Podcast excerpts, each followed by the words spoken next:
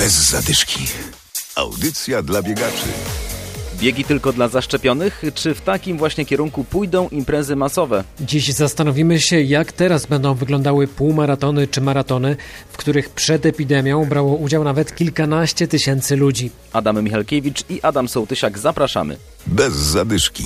We Wrocławiu już odwołano czerwcowy półmaraton. W Poznaniu na razie nie ma decyzji, a impreza jest planowana na 18 dzień kwietnia. Dyrektor wrocławskiego biegu Wojciech Gęstwa jest teraz naszym gościem. Powiedzmy, dlaczego półmaratonu nie będzie w czerwcu? Nie wiemy, jak będzie wyglądała ustawa o imprezach masowych. Kwestia o tym, czy, czy będzie trzeba być zaszczepionym, czy nie, no to to właśnie będzie uregulowane gdzieś w imprezach masowych. Wiemy, że te prace pewnie zaczynają dopiero gdzieś tam się rozpoczynać nad taką ustawą nową, bo jestem pewny, że taka ustawa będzie czy to nowelizowana, czy będzie zupełnie, zupełnie nowa.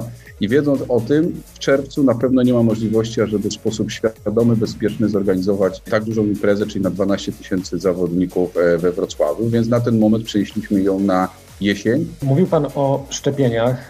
Będą takie przepisy, że biegi imprezy masowe tylko dla zaszczepionych? To jest bardzo prawdopodobne. To, to pewnie nie jest przesądzone, bo ja nie jestem tutaj ustawodawcą, w żaden sposób nie, nie kreuję tego. Natomiast patrząc na to, co się dzieje właśnie w takich e, imprezach masowych, nie tylko w, w bieganiu, ale w innych, to zarówno zawodnicy, jak i cała obsługa tego e, przedsięwzięcia, czy to meczu, nie wiem, koszykówki, meczu siatkówki, meczu żużlowego, czy tutaj myślę, że będzie musiała być zaszczepiona, żeby było dopuszczenie do tego, żeby takie zawody, czy taka impreza masowa mogła się odbyć. Czyli nie będzie już takiego biegania, jakie znamy sprzed epidemii?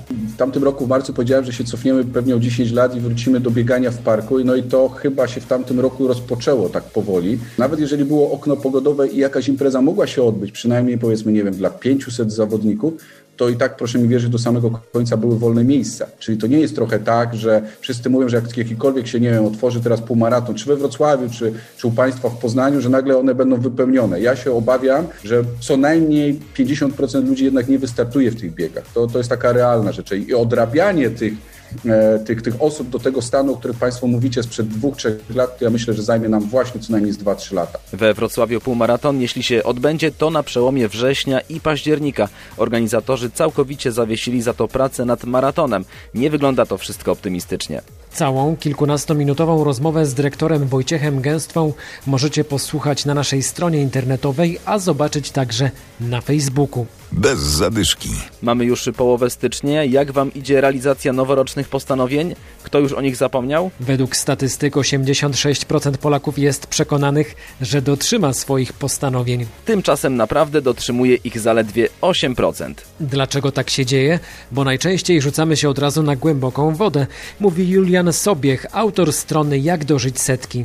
Chodzi o to, żeby na początek e, wyznaczyć sobie taki cel, który jest tak prosty do pokonania, że po prostu nie da się go nie wykonać.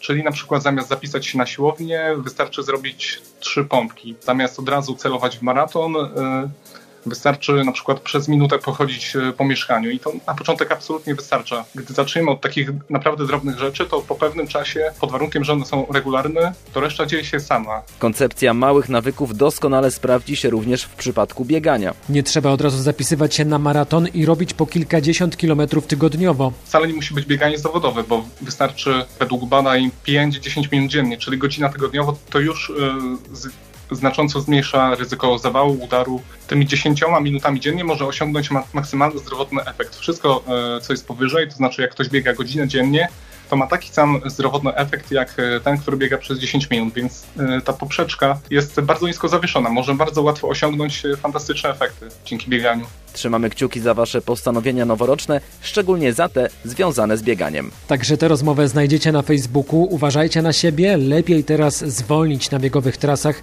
żebyście nie wpadli w poślizg i nie zrobili sobie przymusowej przerwy w treningach. Dobrego weekendu! Bez zadyszki. Audycja dla biegaczy. Znajdź nas na Facebooku.